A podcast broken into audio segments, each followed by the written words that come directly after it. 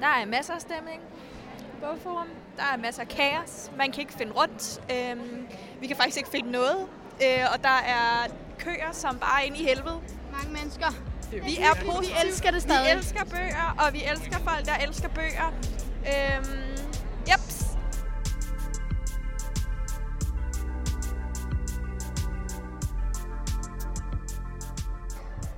Hej så, det er Jas. Vi er på Bogforum. I denne episode af Jas, der er vi taget på Bogforum. Og her der har vi både været til paneldebat med YA-forfatterne Malene Sølsten, Lise Villersen og Christina Aumund. Altså, der bliver ikke bare smidt sexscener ind, fordi at nu skal der være sex, fordi sex, det, det er fedt. Altså, det, det, det skal være fordi, at det, det giver mening, ikke? Ja. ja. Og så har vi blandt andet interviewet Terry Terry og Gail Forman. Are there maybe any plans to make it into a movie or TV show, a actually. TV show? A, a musical TV show. So it's going to have lots of Musical. music. Yeah. Rigtig god fornøjelse.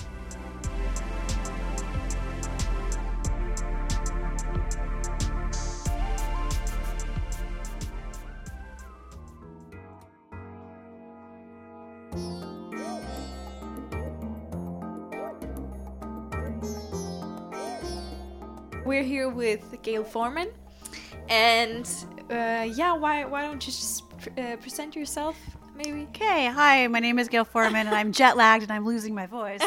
and I'm here to talk about my book. Um, in the US title is I Have Lost My Way. I think here it's the Danish version is I Am Lost. Or, and I am the author of several adults. Uh, see, I told you, jet lag.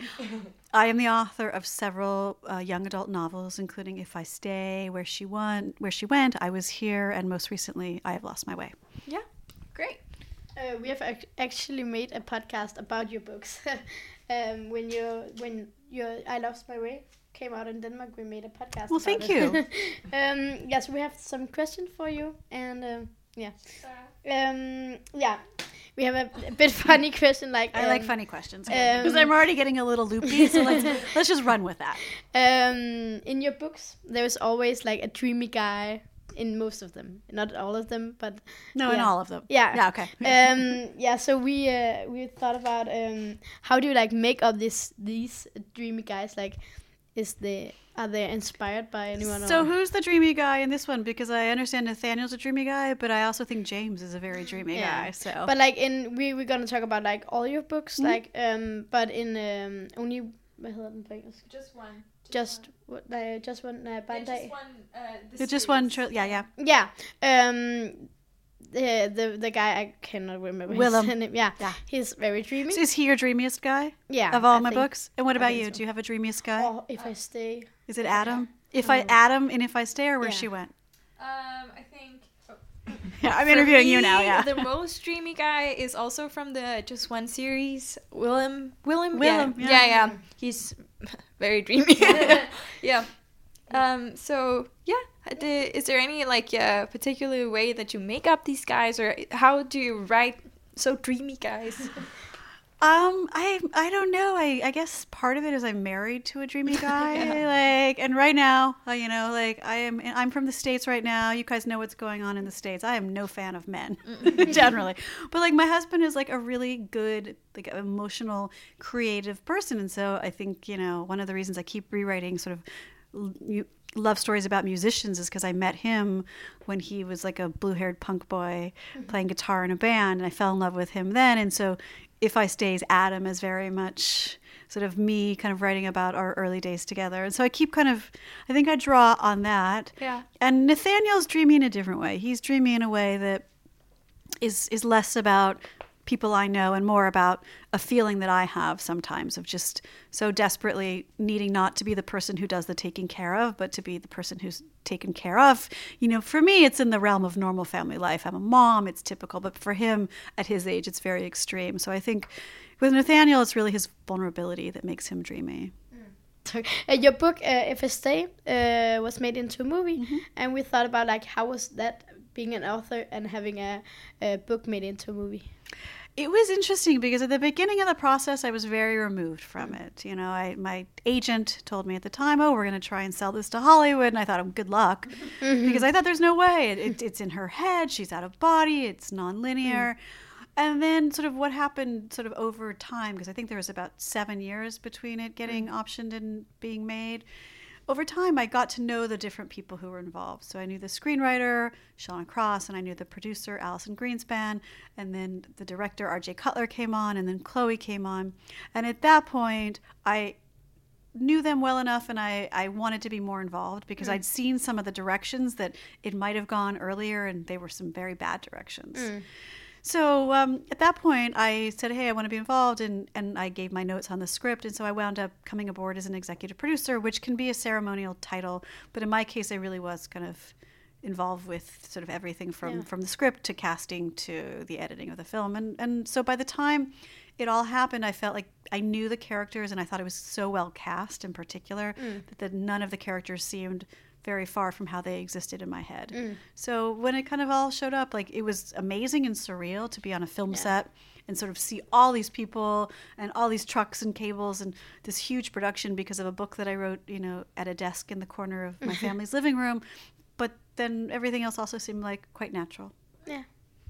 Um, yeah, and we also talked about in our like uh, episode uh, of uh, I'll have, I've lost my way that it would be it would be a great movie because it's just it's such a short period of time and all these things happen and yeah it would just make a great movie. Um, are there maybe any plans to make it into a movie or TV show, actually a. TV show? A, a musical TV show. So it's going to have lots of music. Musical. Yeah. Oh, I'm so excited! Oh, that wow. That could be great. Yeah.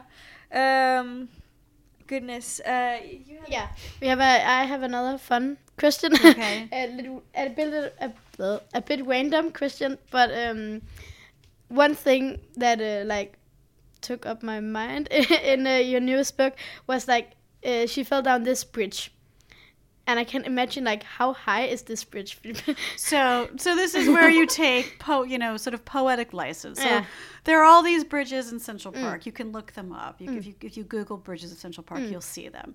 And first of all, it would be very difficult to like get to the side of the bridge, like to the like. You know, she would have to be off in the shrubs to fall, and the cyclist isn't really going to go past her. Yeah. And it would be a pretty, pretty. You know, it wouldn't be a fall that would kill you, but it would be a fall that if somebody did not break your fall, like Nathaniel, you could hurt yourself. So, a little bit of poetic license. Yeah. Okay. okay. uh, there are three main characters in your in uh, I Lost My Way. Was it more difficult to write like three characters, main characters, or like uh, uh, yeah, uh, than writing a book with only one? It wasn't the perspectives that were that made it difficult because even though I've most of my books have been single perspective, I, I've switched. So I, I like to write from different voices. What was difficult about this is that it's you have like the character arc that happens in the present tense. So um, Freya, Harun, and Nathaniel all have kind of a, a journey that they take during their day together. And then you have their backstory. So to understand why they're lost, I have to tell you a story of how they got there. So instead of having one big story that you tell with maybe some flashbacks, it was six. Ah, And that that was the hardest part. And I think initially I was sort of doing it one character at a time. Like you would have like a Freya story and a Freya flashback, and it didn't work. And then somehow when I realized that I was going to tell the present tense part of it in this omniscient third person, so you're kind of really jumping from one character to another, which so worked because it allowed you to really see how much was going on internally with them Yeah. that was similar to the others, even if they weren't expressing it. Once I got there, then you know it was still a lot of work to be done, but it's um, it's definitely harder. Yeah. Well, it came together. It together very nice. Um, Uh, yeah, you write a lot about um, in your books. The characters go through like a personal um, transformation, or like yeah, they a, a journey, as you said, and like the theme of your identity and who am I and and this kind of thing that that's reoccurring in your books. Uh, Is that something that you think about? Is a very important like theme to write about, or is that just- Yeah, I think like I mean it happens a lot as a teenager, where you, mm-hmm. because I think it's kind of the first time in your life that you're really realizing that you know your identity is to some degree something you determine the person you want to be and the life you want to have is something you know that earlier it's just you don't think about it or it's what your parents want for you. And i think that's the first time you're really thinking is this what i want? Like when you go away to college when you're separate from your family is this what i want? It's one of the reasons my characters are usually a little older than high school so um, and I think that that goes on throughout life. I don't think you ever get to a point where you're just like, I'm done, I'm baked, pull me out of the oven. It's a constant evolution. You're constantly questioning like the person you are, and there's always this chasm between the person you are and the person you want to be. Um, and you know, try, the, the ways that you try and cross that chasm, I think, are interesting. And so it's evergreen for me, and it happens to my characters as well. All right. Um, so all of your books are they young adult? Uh, the one I have my very very first book was a nonfiction book. Right. Uh, that my husband and I traveled around the world for a year, and then in 2016 I had a book called Leave Me, which was published in the states. I don't know if it was published here. I don't think so. Yeah. Um, yeah, I was just wondering because um, how's it different? Yeah, writing to this kind of a group or like this age group of, of young adults. Is there anything in particular that you think is like significant, or what's it like writing for young adults? Well, the joke that I said with the difference between writing adult and young adult is there's less sex in my adult books because I'm writing about old people. you know, they don't they don't think about it as often. Um, they're too tired with their kids. So, but I think that you know, I talked about this a lot today about the immediacy of emotions when you're young and how you're allowed to express them that way because you're young, it's mm-hmm. okay, and when you get older, you're not. And I think there's this corresponding myth that you don't feel things as strongly. And, and when you do, you think there must be something wrong with mm. you. So I think that writing YA is fantastic because you don't have to you don't have to have any reason why these people are feeling things. You don't have mm. to explain it. And you just kind of get to get on with the feelings and get on with the story. And there's a real immediacy to it that I, I love writing from that perspective. And I like mm. reading it too. Do you think like there's something you can't write about in YA? No, I don't think there's anything that's off limits. I think that um, it's not my nature anyhow to write a bleak ending mm. Because I, I always want to see people, you know, even if you can't change everything, mm. when you kind of try to do something, you're taking the control back and mm. having some agency. And that alone, I think, is, is hopeful. So I think there's a tendency in, in YA to not have just like the bleakest, bleakest ending, like, and everybody died and everyone's miserable forever, the end. So I think that would be the, the only place you don't go is you, you have to, you have to, you know, I and I feel like in this case, telling young people that you have to tell them things will change is almost sort of ridiculous because they already know that. And particularly mm-hmm. in the states right now like it's it's your generation that is giving me the most hope. Just like this incredibly you know passionate and driven generation that's just like i don't care if you say i can't do that. Yes i can which is exactly how you should be. Hmm. When you're older you start to believe that that there's no way to change things. And when you're younger people tell you that you're like yeah i can mm-hmm. I just stuck up my middle finger Um, but like okay, new um, question. Um, when did you start to read, no, to write, and like, uh, like how long have you known, no, knew, Yeah. known that uh, you wanted to like write books and be a author? So two different times. I, I started writing like you know, as soon as I could write, I would write little poems. I would write these stories. When I remember when I was in kindergarten, they would have um, you would dictate a story and they would type it up and you would draw pictures. And my mom showed me them years later, and my stories were all about like girls getting locked in the closet while the family just goes on vacation and forgets them. And then there was a story where the little girl explodes. Yeah, and and at the last lines of that are, she went pop, and then she said amen. So it might just be my greatest work. So I've always written. I wrote like very emotional poetry when I was in high school. I wrote a play when I was in middle school. So I've always written. I never realized I wanted to be an author or even a writer until I took a few years off to travel uh, before college, and I went back to college to study medicine. I thought, and I dropped out because I didn't want to and I started just taking um, different classes that I was interested in. I took a journalism class, and that was it clicked. And so I was a journalist for a dozen years. But even then, it never occurred to me that I would write a novel, because I thought if you have, if the possibilities are endless as they mm. are with a novel, you can write about anything. You can have your characters say anything. You don't have to worry about the truth. You don't have to worry about what's in your notes mm. or your word count or your deadline. How can you ever choose to do anything? But then I had my daughter mm. 14 years ago and I could no longer travel. I didn't want to travel the way I had, and, and I couldn't make ends meet. And so, I someone said, "Oh, you should write a young adult novel," and that just sort of clicked. And so, really, I wish I could have said that I had this great idea all along, but it was I kind of backed into it. Of course, you have written a lot of books, but uh, maybe you could tell us a little bit how how have you uh, gotten the inspiration to write these different books? The inspiration comes in all different ways. So, you know, if I stay was based on a true story, friends of mine killed in a car crash, whole family, just like, you know, just like the car crash in If I Stay. But and when it had happened, it had been so devastating because it was our two best friends and their two kids, my my godchildren. And the hardest part of that for me was the oldest boy who who was like they were the first of my friends to have children and he lived longer than the rest of the family. By the time we got the news they were all gone, but I learned that he'd been medevaced out and I had this image of him alone on a helicopter and his family gone. I always wondered did he know? Yeah. And did he decide to go? And so that question spun around in my head for 7 or 8 years and then one morning I woke up and there was this girl, you know, completely fictional. She was 17 years old. She had dark hair and dark eyes, and she played the cello, which was also completely out of the blue. So that was the inspiration for that. With Where She Went, I intended to write If I Stay as a standalone, and I was actually writing a whole other book. And Adam and Mia kept waking me up in the middle of the night. Where, you know, and they're like, where have you left us? And so I, I didn't want to really think about where I left them, and so I jumped ahead a few years, and it picked up from Adam's point of view. Just one day, you know, I think draws, and just one year from my many years of traveling and how transformative that was. But I think I, I, I dreamt the first scene of that. Like I dreamt them in a warehouse waking up, and I, I wanted to know what happened. So that's that. I was here was based on an article that I wrote years before about young women and suicide, and this this girl Suzy Gonzales, who just seemed so incredible and dynamic and charismatic that I was. As I was reporting the article, I kept having to remind myself I wasn't talking to her friends and family because she had released an album or was starring in a movie or had done something amazing at a young age, but because she'd taken her own life.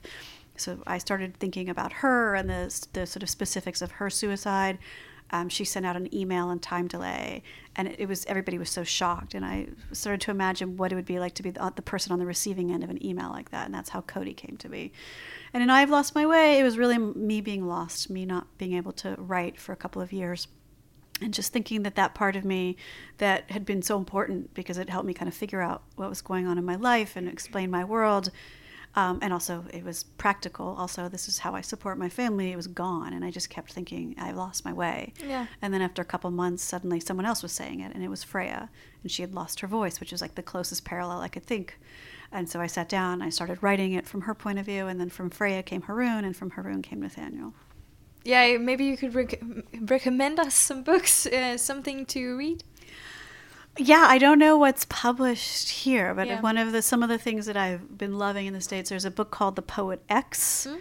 by Elizabeth Acevedo, and that would be one. Um, Like ex, like ex girlfriend or X, like just the, the Okay, letter like X. Yeah, The letter. yeah, and um, you know, it's the, what's so special about that is the writing because the character is from the Dominican Republic, living in, in New York, and there's a real specific culture, and she's a poet, and it's just kind of the way her poetry comes out. So that I think was one of the best um, YA books that I, I read last year. I'm a huge fan of Jacqueline Woodson, who I also don't know if she's published here. Uh, haven't heard of her, but might. Yeah. Um, I'm a big fan of Jandy Nelson. I Mm. love her work. So those are just a couple off the Yeah. top of my head. Thank you so much. Thank you. Um, I think that's about it. If thank you uh, for Thank you for having joining me. uh, and thank you for wanting wanting to make this interview and yeah. Thank you for doing your podcast.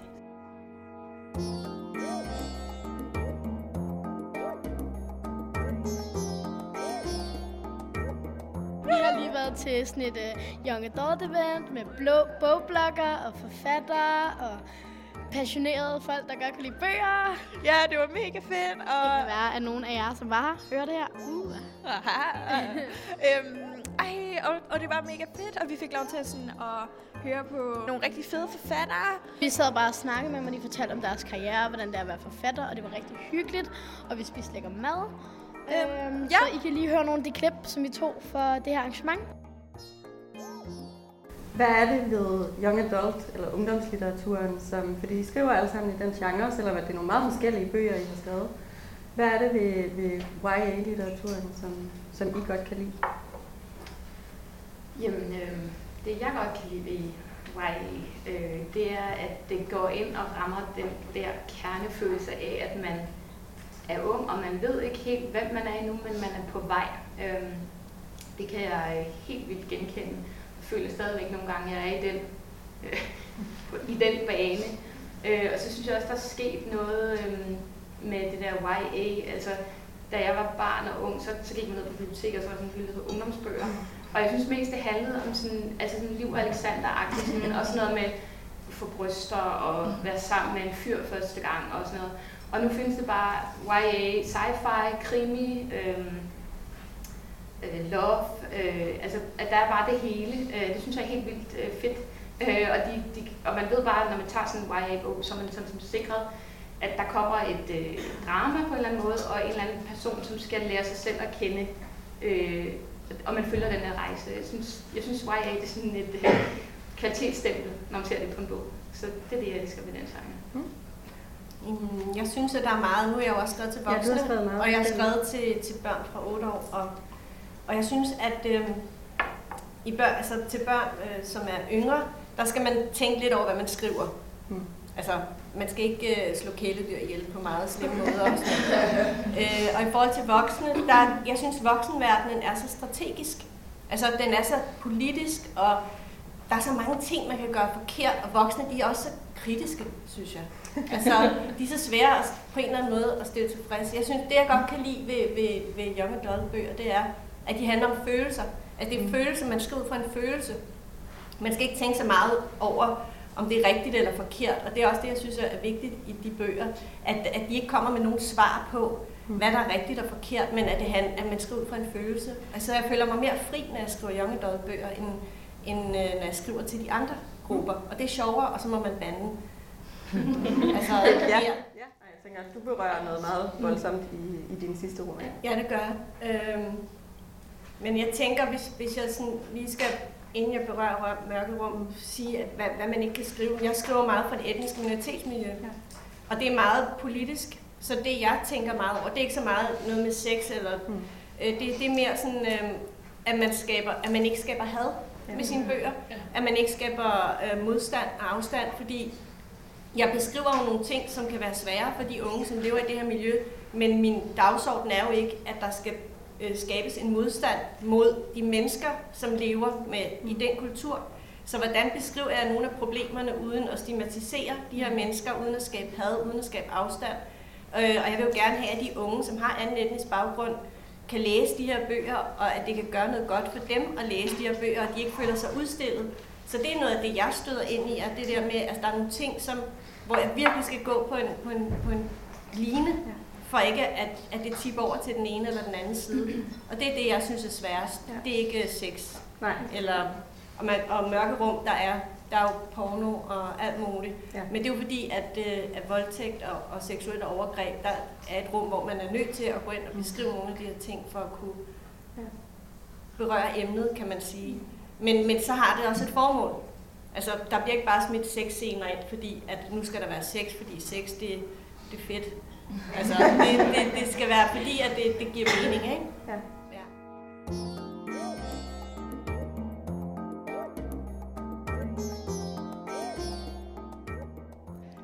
Malene, Lise og Christina, de blev også spurgt, om de tager udgangspunkt i historien eller i de karakterer, som de udvikler, når de skriver bøger.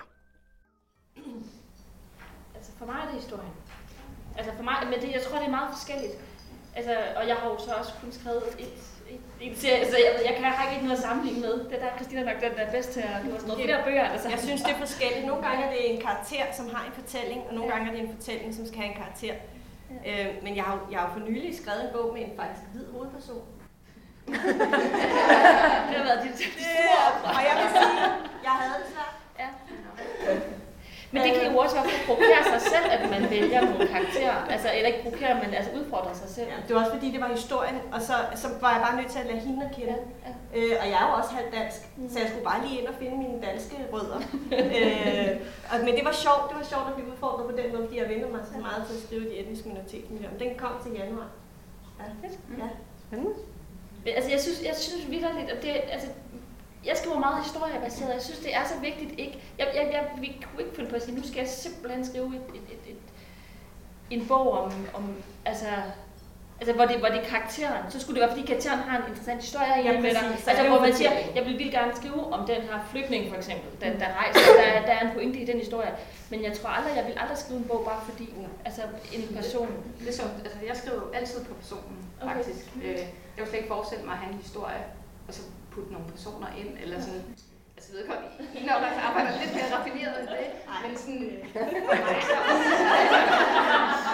for mig så opstår personen altid, og så skal jeg sådan skrive mig ind på personen og finde ud af, sådan, kan, jeg, kan jeg finde ind i hende, eller ham, eller går det helt i kage, og nogle gange går det i kage, og så må jeg finde en ny hovedperson.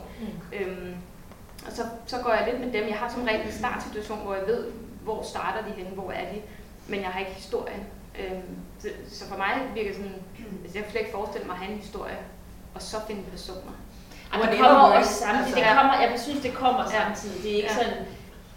Men jo, det kom hen ad vejen. Og, Ja. men, men, men det var selvfølgelig noget af det allerførste, jeg gjorde. Altså man Mm. gør, det er, fordi hvis du har, især hvis du har en jeg-fortæller, hvis du har en hovedperson, Ja. så skal det jo være en person, der kan holde, altså Ja. og som du heller ikke selv gider dig hjælpe med at være Ja. Du skal være i stue med de her, altså det er jo, det er jo år og dage, man Ja. er i stue med den her karakter, så du Ja. skal dem godt nok sørge for, at det er en, du gider at Og jeg, jeg, jeg, ud med. jeg kan kun finde ud af at skrive i første person, så det er nok derfor, jeg har den der, jeg skal ind i hovedet Ja. personen Ja. først.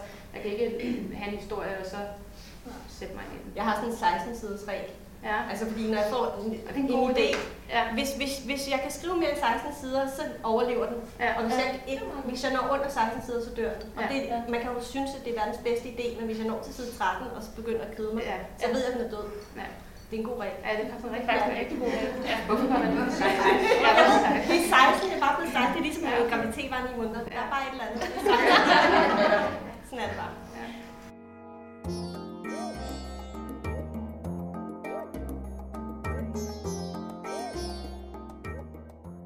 Yes, so we are here with uh, Teri Terry, uh, author of uh, several books. Uh, if you could make an introduction to yourself um, and like present your books and so on. Okay, yeah. Uh, Teri Terry is my name.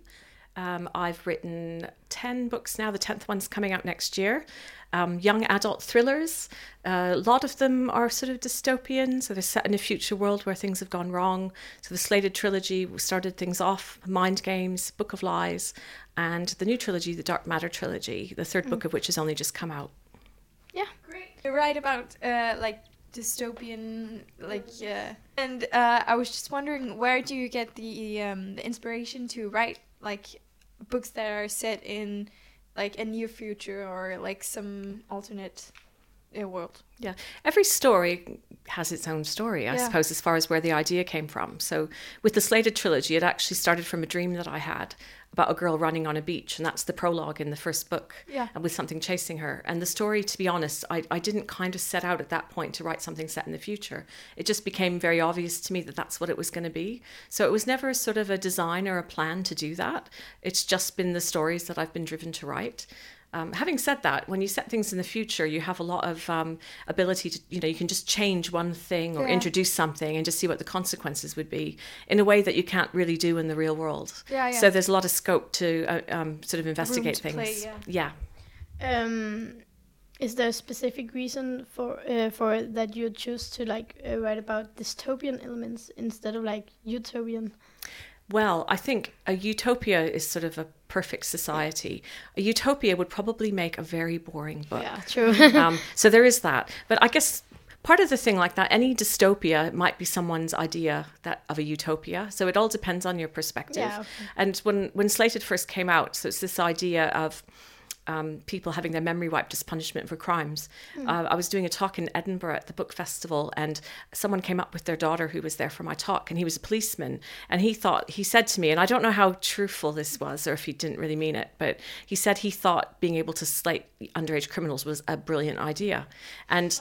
I know that sounds kind of frightening, but if you're in that perspective where you're dealing with underage criminals that you just can't find hope for, you don't know what to do with them, you can kind of understand why he would have felt that way. And I guess any idea like that that you come up with, there'll be somebody who will think you can understand why you think it's a good idea. Yeah.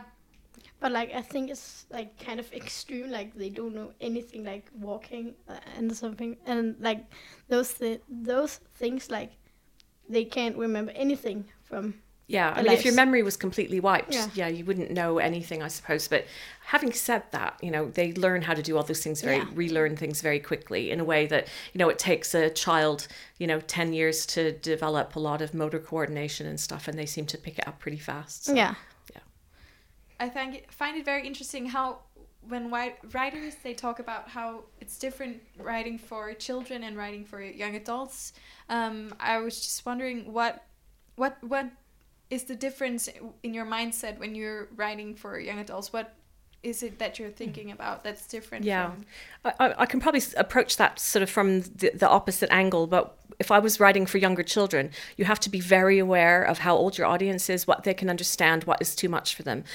I think when you write for young adults, that can just go out the window because I don't think about any of those things when I'm writing for that age group.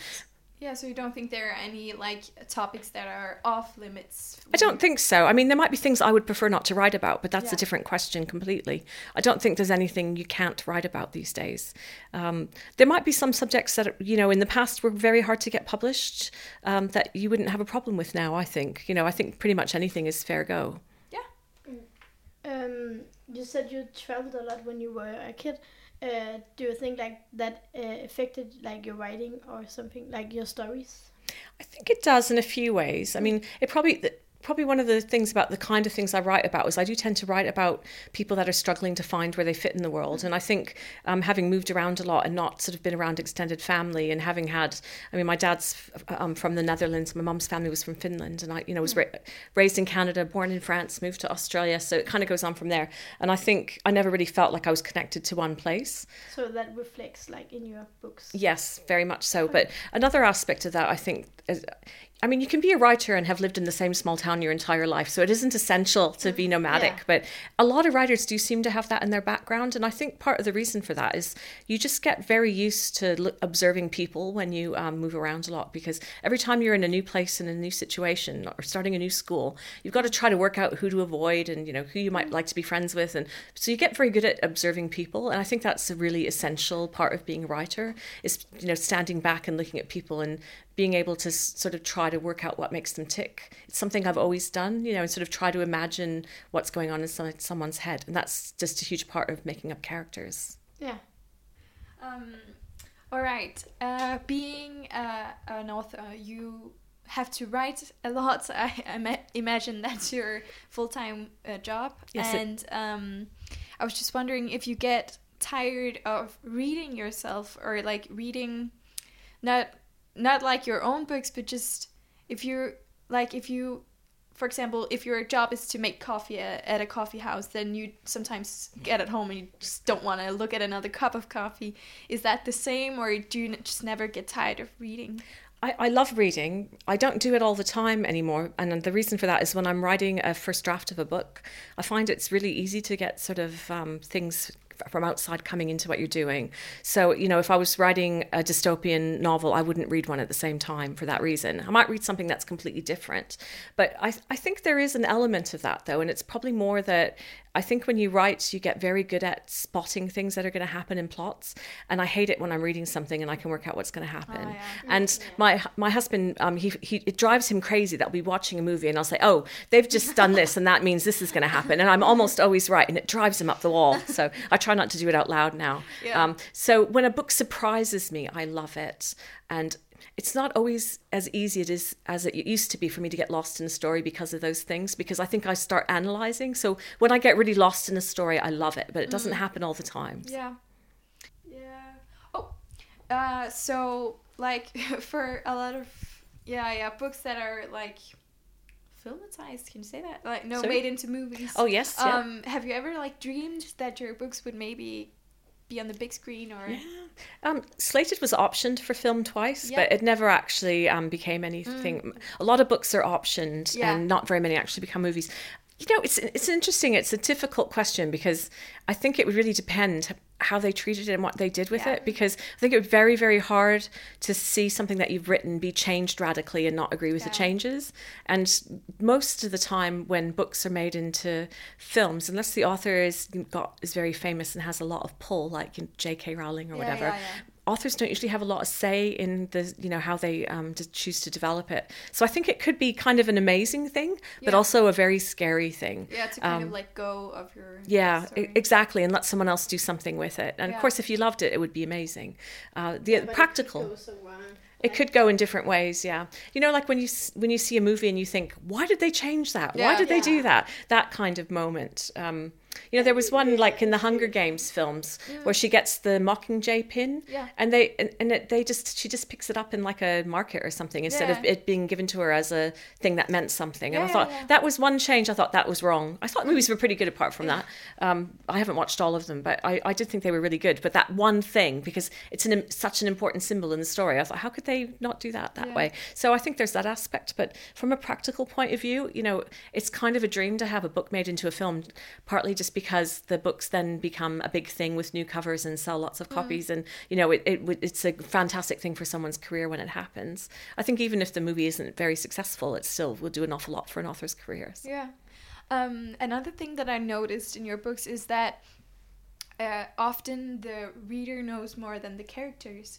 Uh, or like, for example, in the Dark Matter series, the first one, um, everybody kind of has an idea of what is going on, and uh, yeah, there's some like an element of where the the the reader knows more than the characters in the book. Is that Yeah. something that you think about when you write, or is it just something that comes Yeah, out? that's actually really that's really tricky because if you make it look like it's really obvious but the character's not getting it then Yeah. that's really annoying. Yeah. so mm-hmm. you have to be a bit careful how much of that that you do but i They think just want to knock your head against yeah yeah. I think when you've got different point of view characters though you can do it in a way in a way that you can't otherwise. If you're just in one person's head you can't it's very hard to do that kind of thing. Mm. But i think when you've got different characters and you can see different points of view then you have a lot more scope for that and it can make it a bit more interesting. Yeah. Then we will just thank you so much for being here and doing the interview, and we hope you will have a very safe trip home. thank you very much Det var et lille udsnit af vores besøg på Bogforum. Husk, at du kan følge os på Instagram under jeres underscore young adults, hvor du også kan skrive til os med spørgsmål eller forslag til bøger, emner eller forfattere, som du synes, vi skal tage op. Jeg hedder Emilie Berndt Hag, og jeg har produceret denne podcast for Københavns Biblioteker. Med mig i jeres teamet er, udover Astrid, Karolina og Gertrud, også Henriette Bachmann. Vi lyttes ved.